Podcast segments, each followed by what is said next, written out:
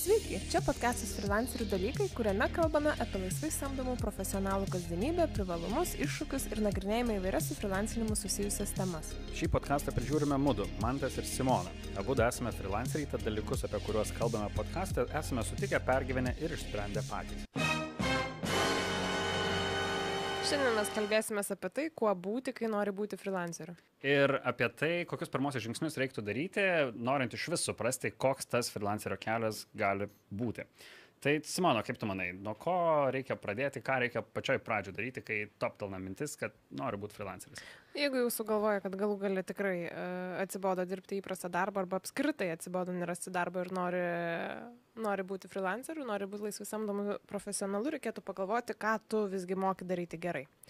Pasimti popieriaus lapą arba atidaryti kompiuterį ir išsirašyti visą tai, ką moki daryti. Galbūt tu moki labai gerai fotografuoti, galbūt tu moki labai gerai rašyti, galbūt tu moki labai gerai gaminti salotas, galbūt tu moki vairuoti, galbūt tu moki labai gerai kalbėti.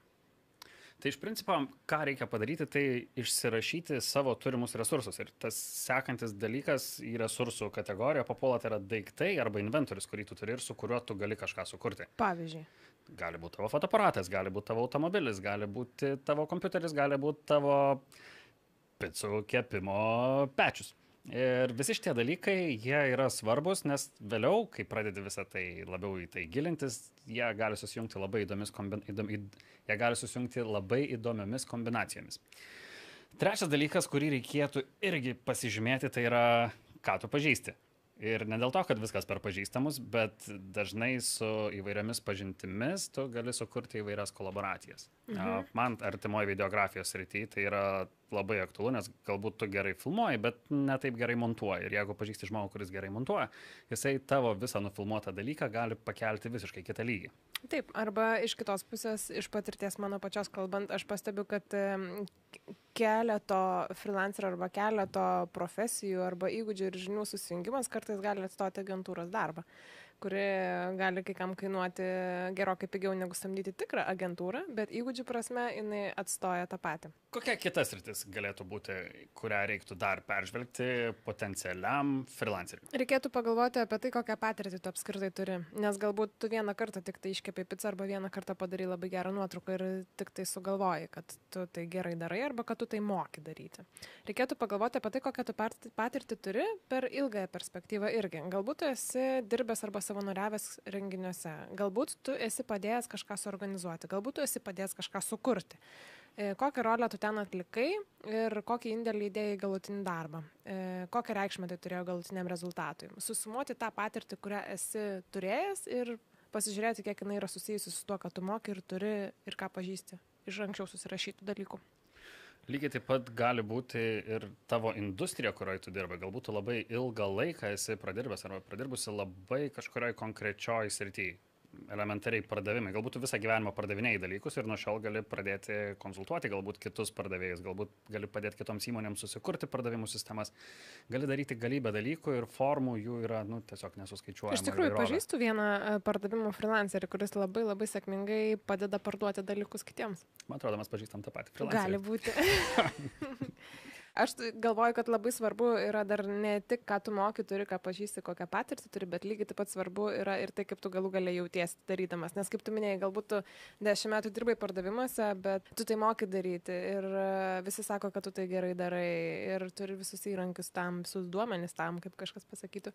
Bet, bet nuo jaunystės nori groti tromboną jo. ir nors tu ką verki kiekvieną dieną taip, darbę tualetą. Ir iš tikrųjų žiūri užknisa. Tai vad reikėtų pagalvoti apie tai, kad freelancerio kelias turėtų tau teikti galų galę kažkokį tai bent jau džiaugsmą, pasitenkinimą arba profesinio augimo malonumą. Ok. Aš manau, pakalbėjome apie dalykus, kuriuos žmogus gali nu, pasižiūrėti pas save viduje, savo aplinkoje, bet e, kita dalis tai yra visa išorė ir visas likęs pasaulis. Tai, manau, vienas pirmųjų dalykų, į kurį reiktų užmesti akį, tai yra, tu gal ir gerai jautiesi kepdamas tas pizzas, galbūt ir tu tą orkaitę turi ir gali iškepti jas tikrai gerai. Bet ar kažkam jos kainos? Taip, ar jos kažkam yra skanios ir ar kažkam iš vis reikia tų picų. Galbūt gyveni šaly, kurioje niekas nevalgo picų, galbūt tavo būtent picų niekam nereikia, nes jos Taip. per daug inovatyvios. Tai svarbiausia šitoje vietoje yra pagalvoti tą bjaurų į klausimą, o tai ką kiti pasakys. Ir geriausia būtų pasiklausti tų kitų, ką jie iš tikrųjų galvoja. Ir tai turėtų būti, aš sutinku pačioj pradžioj, dažnai klientai būna tavo asmeniniai draugai, bičiuliai, giminės ir Viskas panašiai. per pažįstamus Viskas per pažįstamus, bet galiausiai tu turi išeiti į tą kitą pasaulį ir gauti feedbacko, to grįžtamojo ryšio iš tikrų žmonių, kuriems tu na, gali galiausiai pasiūlyti savo Kurie, produktą. tau, kurie nesijaus tave įžeisdami, pasakydami, kad nieko gero nedarai. Arba kad nemokės už tai. Taip, vat, būtent nemokės už tai. Ir manau, finansai yra vienas geriausių dalykų, kuriais balsuoja žmonės. Ir jeigu ta, už tavo paslaugą niekas nemoka, ir galbūt ne tik tau nemoka, bet iš vis niekas nenori mokėti, arba nėra tavo tikslinė auditorija, jinai galbūt neturi pinigų, ar ne. Man yra tekę taip dirbti su mokyklomis, pavyzdžiui. Važiuoji mokyklas ir žinai, kad jos tikrai neturi tiek daug pinigų, kad galėtų skirti konkrečioms vienokioms ar kitokioms veikloms, bet nu, tu vis tiek važiuoji, nes jautiesi gerai tą darydamas. Gerai, o tai kaip surasti žmonės, kurių tu nepažįsti ir kur nežinai, ar kas nors turi tų pinigų ar ne, ir ar mokėtų už tavo dalykus, už tavo paslaugą, už tavo kažkokį profesionalumą. Kaip šitą dalyką išspręsti, kaip sužinoti, tai ar tu gali būti freelanceris konkrečios rytį. Visų pirma, vienas geras indikatorius tai yra, ar yra kitų darančių tai. Mhm. Ir jeigu kažkas kitas irgi tai daro, ir jeigu tokių yra ne vienas ir ne du, tai tikėtina, kad jie iš to kažkaip išgyvena. Galbūt tai nebus vienintelis dalykas, kurį jie daro, bet tikėtina, kad jeigu yra konkurencija, tai yra ir rinka, dėl kurios jie konkuruoja. Mhm. Bet yra ir e, kita dalis, kai galbūt yra darančių, bet jie tai daro tik kaip visiškai papildomą veiklą. Juk mes šitos dalies tai negalim pasakyti. Man patinka vienas iš būdų patikrinti, ar kas nors mokėtų už tavo paslaugą arba tavo produktą per fiktyvų pardavimą. Tu esi kažkada davęs tokį patarimą žmogui, kad gali tiesiog savo paslaugą apibūdinti, dėti skelbimus ir žiūrėti, kiek skambučių sulaukia. Jeigu sulaukia Taip, vieno taip, per taip, mėnesį, taip.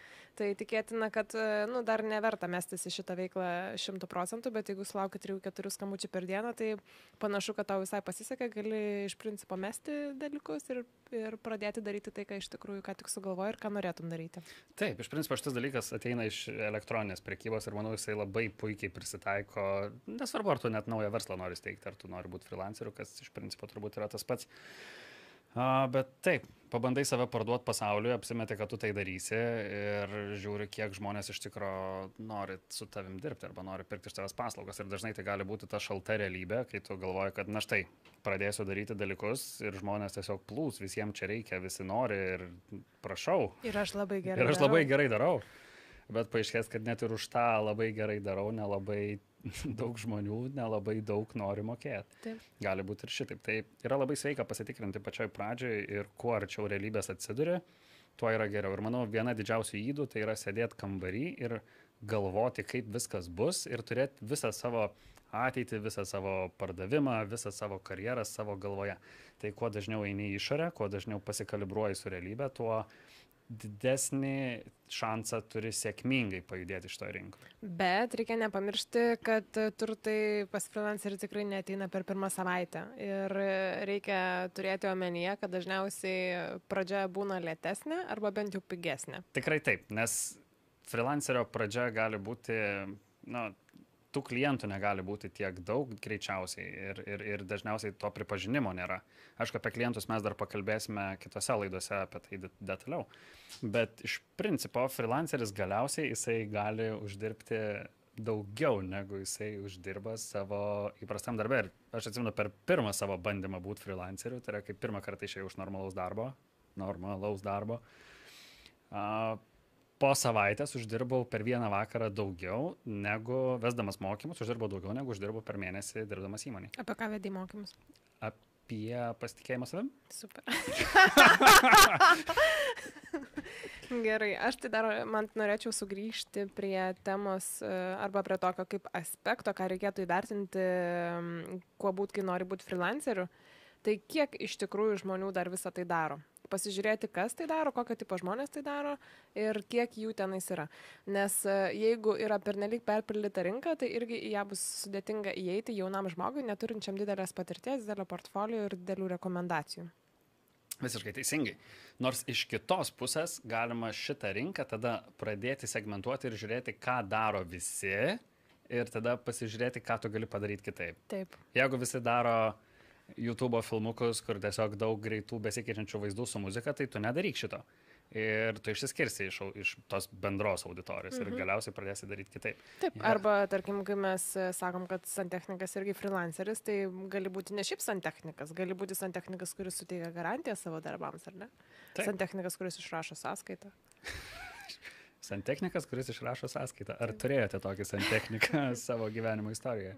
Iš ties, tų būdų daryti dalykus kitaip yra ne tik per paslaugą, bet ir per santykių su klientu arba su pasauliu, galbūt per komunikaciją su pasauliu, nes žmonės nori matyti lyderius ir jie nori matyti pavyzdžius. Ir nesvarbu, ar tu vedi vestuves, ar tu rašai tekstus, tu turi komunikuoti teisingai ir tu turi komunikuoti gerai apie save. Tai Taip, čia neišsamiama tema.